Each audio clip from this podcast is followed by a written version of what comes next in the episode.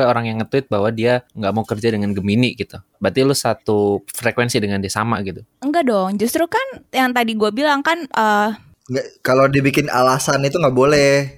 Ya iya kan? betul. Iya. betul. Kalau buat fun-fun aja nggak apa-apa Iya. gitu. Eh, tapi Iya. berarti kalau kita lihat ya zodiak sama kayak tes-tes kepribadian yang kayak MBTI itu sebenarnya mirip-mirip nggak sih kayak ini tuh bisa jadi self assessment, bisa jadi kayak tool untuk awareness, tapi jangan dibikin jadi alasan. gitu.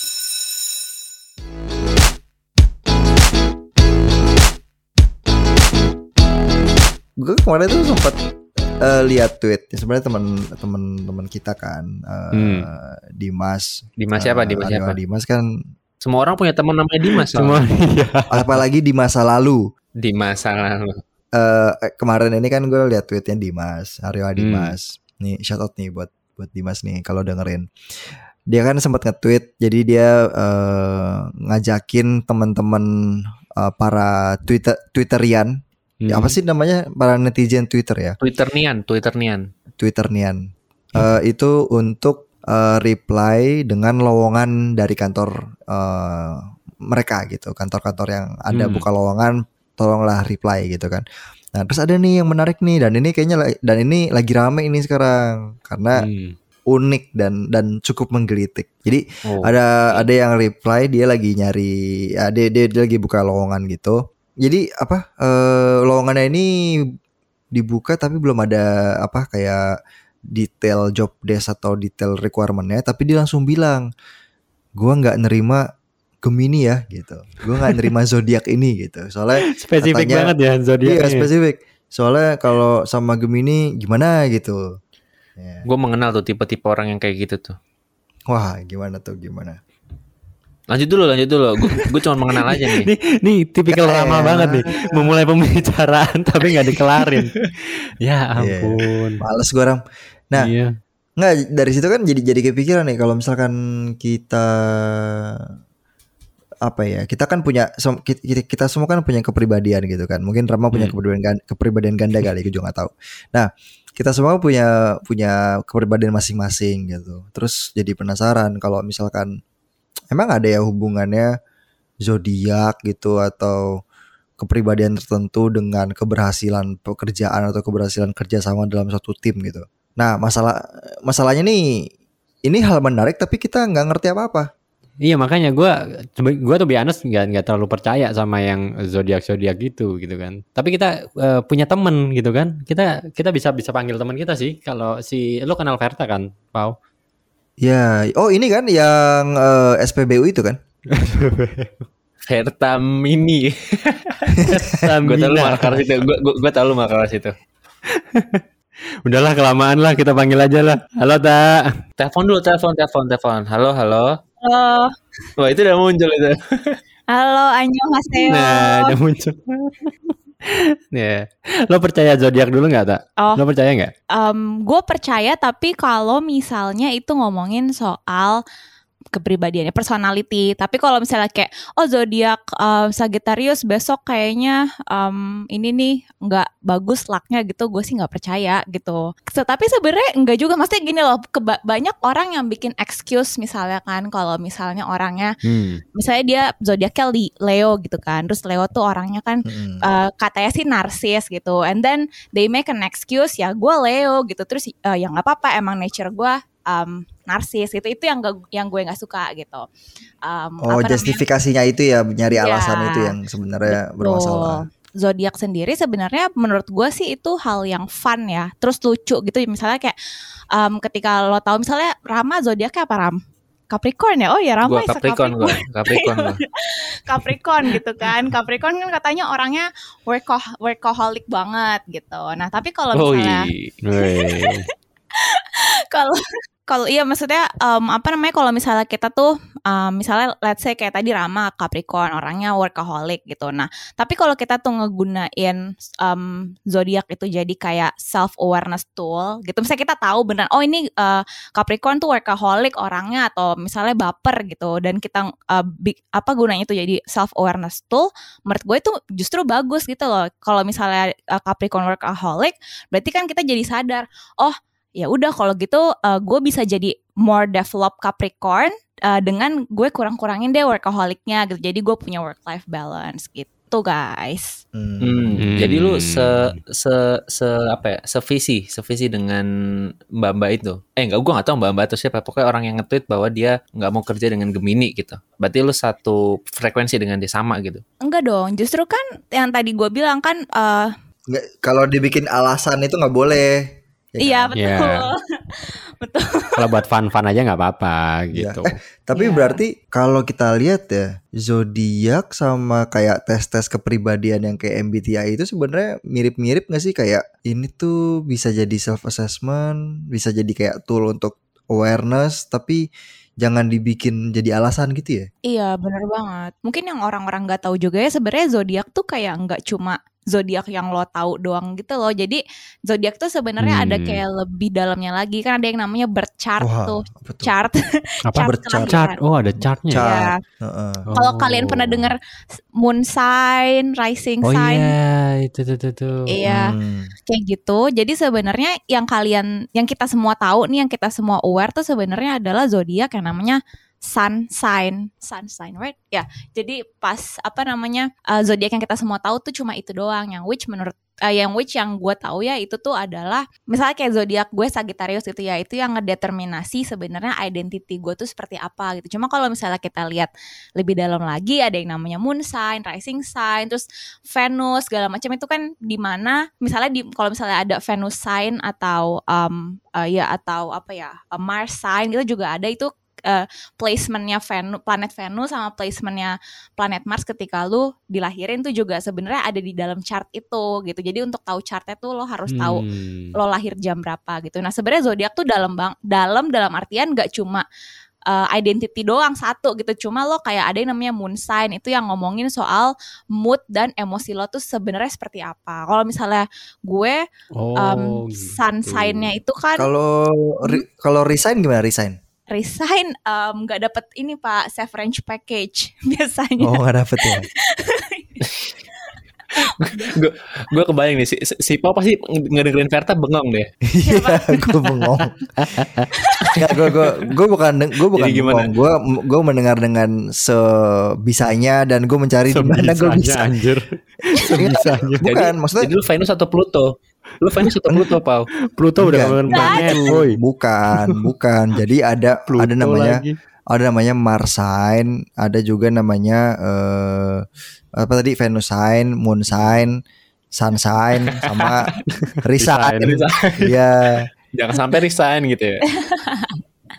nggak apa-apa lah. Tapi ngomong-ngomong masalah personality sebenarnya emang kalau memang kita tahu personality personality kita, terus apakah itu yang men- mendeterminasi apakah kita tuh bakal sukses kerjain apa gitu kayak kayak misalkan oh Sagittarius cocoknya jadi travel v- vlogger karena suka traveling gitu. Tap- Tapi apakah memang kayak gitu atau itu sebenarnya oversimplified? Misalkan oh programmer tuh harusnya bagusnya seorang apa Taurus gitu karena selain yang dikerjain dia Raurus gitu nggak ngerjain apa pun yang lain.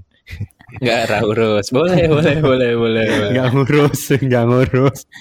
Nah itu itu sebenarnya yang, yang, yang gua itu kan sama sama halnya kayak ini kan Aduh, kayak, oh ya kalau dia. INTJ maka dia bagusnya kerja di sini tapi apakah itu jadi limitasi untuk dia nggak nyobain yang lain gitu itu pertanyaan gue sebenarnya. Hmm, Harusnya hmm. enggak ya. Menurut gue sih ya itu eh, nggak ada sih simplify kayak gitu ya. Karena kalau gua ngeliat people ya, people itu bukan nggak bisa di oversimplify kayak gitu. Jadi people itu kayak puzzle ya. Jadi dan orang-orang itu kayak Oke, punya suka bagian-bagian nih. sendiri ya pieces Hmm. piece piece-nya gitu kan. Hmm.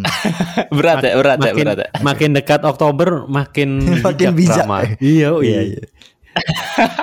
oh jadi gimana nih? Harus Piece dong, harus dong. puzzle puzzle piecesnya tuh gimana? nggak bisa sekedar apa ya eh, kalau misalkan lu misalkan Gemini gitu cocok kerja di eh, broadcasting misalnya gitu ya karena kan pi- buat gue tuh orang itu kayak puzzle jadi lu nggak bisa eh, satu orang ini merepresentasikan dia kerja di mana gitu tapi lu lihat dari lingkungannya broadcasting ini lingkungannya kayak gimana gitu kan ya apakah memang orang-orang yang eh, ambisius kerja kah atau apa dan lu harus ngeliat lagi dari kombinasi orang-orangnya juga gitu kan ya ada yang oh udah kebanyakan orang ambisius nih butuh orang yang fun misalnya gitu ya jadi sebenarnya gue stand with uh, si employee dari karyawan tersebut sih. Sebenarnya ya kalau tadi ngomongin topik dari Twitter itu ya. Sorry, employee employee employee dari karyawan tersebut. Employee employee dari employer tersebut. Nah, bisa ya, bisa ya. Uh Nggak, gue bingung. Lu standnya di mana sih sekarang? Uh, kalau gue stand, gue sih ngertiin maksud dari si orang itu yang mau nge-hire, yang dia butuh non non Gemini gitu ya. Karena Ya. dia nge-hire untuk tim dia kan, di mana di tim dia dia udah tahu uh, puzzle-puzzlenya kayak apa, ya kan.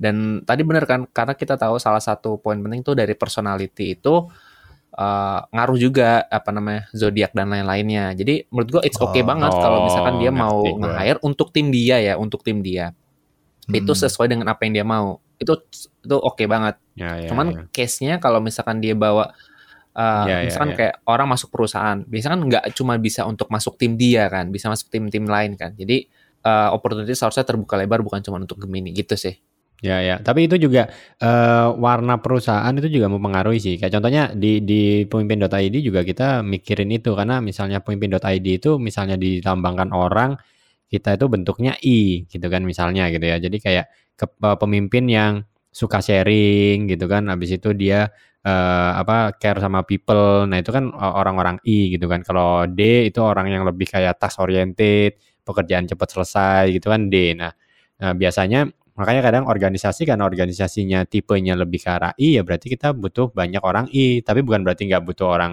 eh, C, orang S. Ini kita ngomongin DSC ya. Jadi yang dominan influence. Nah, biasanya eh, tergantung juga tadi ya warna perusahaan atau value perusahaan jadi lebih cocok ke mana gitu sih. Dan itu menurut gua fine-fine aja ya, boleh-boleh aja sih. Karena kan tadi kata Rama kan melengkapi puzzle dari kebutuhan organisasi kira-kira gitu kan. Hmm, kalau lu gimana tak? Eh, Yes, tapi gimana, Tak? bentar deh. Iya, ini menarik sih. Em, tadi kan kita ngomongin itu ya kayak uh, nge-hire orang-orang yang emang dimilih, ya istilahnya yang culture fit gitu Ya, ya. Nah, culture fit bener. ini tuh mungkin ini salah satu ya kayak salah satu unconscious bias gua atau nggak tahu gimana. Jadi kan uh, kan gue juga ini ya apa namanya di deep tech juga gitu kan aktif. Terus kita tuh punya tim social media. Kira di BTS. Iya, aku di deep tech guys. Em, habis itu kita kan punya kita lagi nge-build uh, tim social media kan. Terus habis itu ya udah gue interview aja tuh semua orangnya. Terus ya udah kita terima. Tapi ternyata usut punya usut setelah kita uh, ngobrol-ngobrol, ternyata semua yang gue hire tuh ENFJ Oh. dong guys. Itu tuh gue tanpa gue tahu dari awal gitu. Jadi sebenarnya ya itu bener sih yang tadi. Gue NFJ juga. Iya gitu kan jadi satu tim kita tuh semuanya ENFJ tanpa kita tahu gitu. Jadi mungkin balik-baliknya lagi itu baliknya sih ke ngomongin culture fit ya gitu. Tapi kalau misalnya yang kita ada accident ENFJ mungkin it's just an accident gitu. Uh, tapi ya itu. Iya karena kan karena kan ENFJ kalau lo cek ya di apa kita googling ENFJ gitu ENFJ itu tipe-tipe orang yang suka sharing habis itu peduli sama development orang lain. Nah jadi emang kalau akhirnya kita culture fit akhirnya begitu dites oh iya sama semua gitu. Di di di pemimpin data ID juga kita dari 14 orang itu yang ENFJ 9 jadi kayak nggak imbang banget gitu loh. Kayak ya ampun. Jadi secara nggak sengaja akhirnya ke hire orang-orang yang tadi mirip culture-nya gitu. Kalau menurut gue ya, tapi ya gue mungkin apa apa namanya pendapat gue agak beda, bukan agak lagi. Justru kalau misalkan lu nge-hire itu kayak ngebatasin oh cuma bisa eh, Capricorn gitu atau cuma bisa NFJ gitu. Gue menurut gue malah absurd. Karena apa ya si si si si tes ini kan sebenarnya lebih ke arah ya udah assessment assessment orangnya aja profilnya kayak gimana gitu kan. Culture fit itu kan nggak cuma masalah dari tools itu aja gitu menurut gue gitu. Tapi kan juga ada mungkin orang kebentuk dari suatu lingkungan tertentu atau mungkin dia punya pengalaman hidup tertentu gitu. Itu mungkin bisa jadi faktor lainnya gitu. Tapi kalau misalkan let's say eh, lu nggak lu nggak membatasi harus ENFJ untuk join di tim lu tapi pas lu timnya udah pada join terus di tes ternyata sama-sama ENFJ ya itu is a, is a fun accident gitu atau atau is a fun fact aja gitu. Cuman bukan kayak oh karena lu INTP eh ada gak sih INTP gue lupa deh. Ada ada. eh ya atau lu kurang MNTP gitu kurang mantap misalkan. Nah lu nggak nggak nggak bisa nggak bisa. Lu nggak lu nggak lu nggak lu nggak bisa iya lu KZL lu nggak bisa join gitu. Menurut gue itu malah absurd sih. Karena ini profil ini lo apa profil tes ini lebih ke self awareness assessment tapi justru dipakainya bukan untuk ngelimitasi tapi lebih ke ya awareness aja gitu. Lebih ke arah awareness. Jadi tahu apa yang kita mungkin net secara natural kuat mana yang secara kurang natural kita lemah gitu. Eh gimana sih yang secara kita yang kita tuh lemah mungkin dan ternyata dari sisi role-nya butuhnya gimana berarti itu room for improvement yang kita butuh isi gitu sih kalau menurut gue Enggak, gue setuju kok sama poinnya Pau gitu. Emang kita kalau misalnya mau nge-hire orang ya jangan ngelimit, ngelimit aja gitu loh. Karena ya udah kalau kita ngelimit ya kita ngelihatnya ke satu perspektif aja gitu, which is not good gitu. Cuma kalau misalnya yang kejadiannya di Dipta itu emang uh, coincidence banget sih kita juga nggak tahu. Jadi mungkin itu con- unconscious bias gue dan mungkin ya gue juga harus belajar gitu untuk ngelihat atau nge-hire orang-orang yang emang berbeda sama gue gitu. It's a nice thing to learn. Jadi tadi dengerin dari siapa eh, Verta sama si Aji cenderung nge-hire orang yang sama kan ya. Karena ini ini gue salah satu yang gue alamin juga orang itu cenderung nge-hire cenderung deket sama orang-orang yang satu frekuensi dan satu dan yang sama sama dia gitu kan ya. Nah cuman menurut gue tuh kadang-kadang hal yang salah sih karena apa yang kita nyaman belum tentu itu apa yang kita butuh. waduh luar biasa Bahaya nih. Ini kita ngomongin apa sih Ram? Jadi gimana Ram? Enggak, jadi yang sekarang enggak, ini yang yang lo plan buat Oktober ini Lo- nyaman Jadi lo lo gimana? nyaman, iya nyaman tapi lo nggak butuh atau gimana? Waduh, maksudnya? kenapa ke situ ya? Kenapa ke situ ya? Tapi enggak, tapi ya itu benar juga sih. It- itu itu Oke itu eh, bener. Jadi Enggak, ya ada benernya sih, ada ada benernya. Maksud gua curhat dikit lah, ya, curhat dikit itu emang gua alamin juga maksudnya di kasus love life gua gitu ya. Jadi emang ada orang yang gue bener-bener nyaman sama dia kan ya. Nyaman gitu. Cuman jadi jadi eh, setelah gue menjalani terus eh, emang ada orang yang memang nggak terlalu se memang nggak terlalu se apa ya satu frekuensi banget sama gua tapi dia tuh orang yang gue butuh gitu loh. Jadi apa apa weakness gua apa kelebihan gue dia tuh bisa bisa apa menyeimbangi gitu loh. walaupun kita nggak benar-benar satu frekuensi gitu sih. Jadi itu sih yang yang gue tahu. Jadi bukan harus kita nyari satu orang yang frek- satu frekuensi doang tapi yang benar-benar orang yang kita butuhin sih. Gitu. Jadi sebenarnya intinya dari diskusi kita ini eh, personality test atau zodiak tadi gitu ya, itu sebenarnya eh, oke-oke aja, tapi buat cuma kasih awareness ke kita aja gitu ya, tapi jangan kayak saklek harus kayak gitu atau bahkan tadi ya dibuat alasan gitu kan kayak gua gua orang I ya wajar dong kalau gua lupaan kayak gitu-gitu kan itu akhirnya jadi excuse tadi gitu kan. Dan tapi sebenarnya eh, menarik kalau misalnya eh, ya buat menyeimbangkan tim gitu kan. Kayak tadi misalnya eh, kita nggak sengaja nyari apa nggak sengaja dapat orang itu. Akhirnya kayak satu ka- satu kantor itu sama semua sifatnya dan itu juga nggak bagus juga kan buat organisasi gitu kan. Jadi kan sebenarnya di dalam organisasi butuh eh, lebih bervariasi gitu loh. Ada orang ya STJ-nya, eh, ada orang eh, INFJ-nya gitu kan. Jadi malah justru eh, kalau kita tahu personality test itu buat cari yang berbeda malah mungkin. Menurut gua sih gitu ya. berarti yang yang nggak sesuai kita ma- sama kita cari nggak diambil dong Ji? Ter- tergantung kebutuhan organisasi sih sebenarnya. Kalau misalnya eh, nggak cocok sama kita tapi organisasi Iya. butuh, kalau nggak dibutuhin ya kalau nggak dibutuhin ya nggak kalau nggak dibutuhin ya yang enggak gimana lagi? iya, pertanyaan lo gimana sih Ram, maksudnya? kalau nggak dibutuhin ya enggak. kalau nggak dibutuhin ya ngapain dia Enggak, maksud gua kalau misalkan orang oh, enggak orang dengan personality itu nggak kita butuhin gitu loh. ya ya iya ya, intinya intinya kalau nggak butuh ya ngapain di hire Iya, iya, lu intinya mau nggak mau kita hire. berdasarkan berdasarkan personality kayak berdasarkan skill atau berdasarkan posisi kalau lu nggak butuh ya ngapain di hire wah Rama nih tiba-tiba dari dari bijak jadi bikin marah enggak, enggak. Enggak, kita butuh, kita butuh. Kita butuh. Ah. Maksudnya dia se- se- secara skill udah oke, udah ini, udah ini. Cuman secara personality dia bukan orang yang kita butuh untuk ada di posisi itu gitu loh. oh Oh, tergantung mengganggu Se- nggak gitu ya? iya mengganggu apa? se, benar? se, se deal breaker apa gitu karena Hmm. Kalau misalkan Hmm. kita balikin tadi ke poin Averta, masalah culture fit. Culture fit itu kan sebenarnya nggak cuma masalah personalitinya dia, tapi kan juga cara kerja dan segala macem gitu kan. Kayak approach-nya dia terhadap suatu konflik, eh, cara dia overcome masalah, cara dia kalau ada apa, eh, kalau ada salah tuh dia gimana orangnya lebih ke blaming kah atau atau atau lebih ke fokus ke solusi kah atau gimana gitu. Itu kan termasuk ke culture fit. Nah, balik lagi personality adalah eh, menurut gue dan tadi juga mengutip apa yang kata Verta itu bagian dari culture fit. Nah masalah culture fit itu ada yang kita mungkin bisa masih bisa tolerir, ada yang menjadi deal breaker tergantung kalau misalkan Hmm, si hmm. orang ini di posisi yang crucial, yang cukup strategis dan dia butuh making decision atau dia butuh nge-influence suatu tim atau beberapa tim gitu dan ternyata dia nggak cocok secara culture, nah mungkin itu jadi bahaya. Tapi kalau misalkan dia di posisi yang um, secara culture mungkin masih tolerir, masih bisa ditolerir lah. Jadi kalau misalkan agak-agak awkward gitu, nggak terlalu nyambung, mungkin masih bisa hidup lah gitu, masih masih jalan lah ke si timnya gitu. Itu nggak apa-apa. Sepakat sepakat. Jangan sepakat tau dong kembangin kayak dari tadi gue Gimana mulai gitu ya? ngembangin. eh Bener-bener. tapi kalau kalau menurut Verta nih dari sisi astronomi nih, eh astrologi. gitu. astrologi, astrologi. Nanti lu dimarahin. Nanti nanti lu dimarahin Verta lagi. Astronomi, astronomi Sorry, sorry, sorry. bintang. Sorry sorry sorry.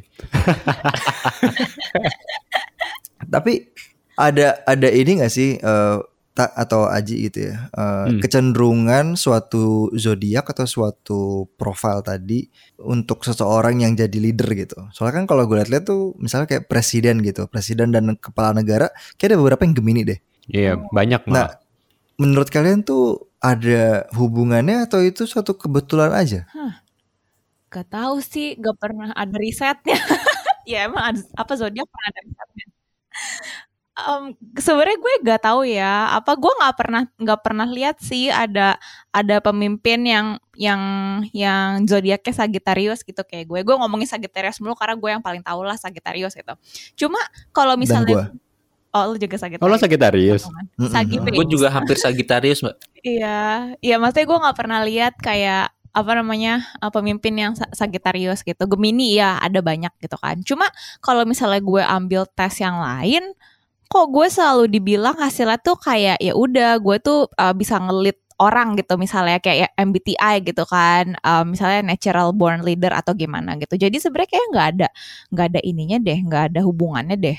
Gue jadi jadi inget gue jadi inget gue pernah gue pernah pernah baca satu artikel gitu eh tentang Woi, sekarang kok gantian lo yang gue pernah baca. iya Lo kok ngambil kata-kata dulu gue sih, Pau? nggak bukan bukan buku sih tapi artikel Oh iya, artikel ya. Lanjut, lanjut, lanjut. Eh, levelnya masih rendah lah Ci Eh, gue sempat baca artikel ten- tentang eh, orang-orang yang sukses yang apa orang-orang yang lahir lebih awal di suatu tahun itu cenderung lebih sukses atau lebih matang gitu contoh eh, kayak atlet gitu ya atlet-atlet gitu di- mereka itu kayak leb- apa yang lahirnya di awal tahun itu lebih eh, cenderung sukses maksudnya lebih lebih inilah lebih lebih berprestasi dibanding yang lahirnya lebih ke ujung yang satunya lagi.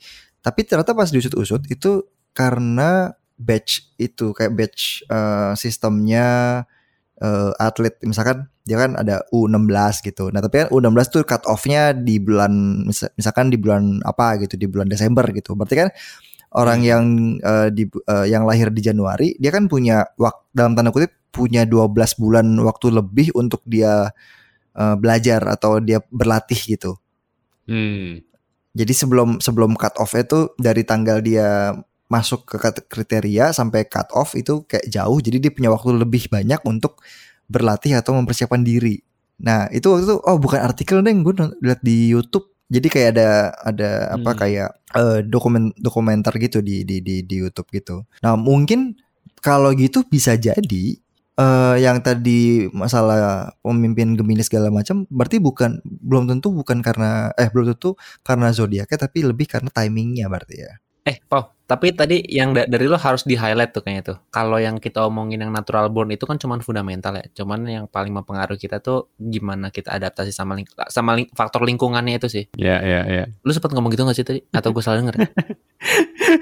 Jadi Verta gimana tak rasanya lo di episode ini? Mungkin closing dari Verta kali. Gimana tak? Eh, ya apa apa yang lo bisa simpulin dari diskusi kita yang tidak jelas arahnya ini?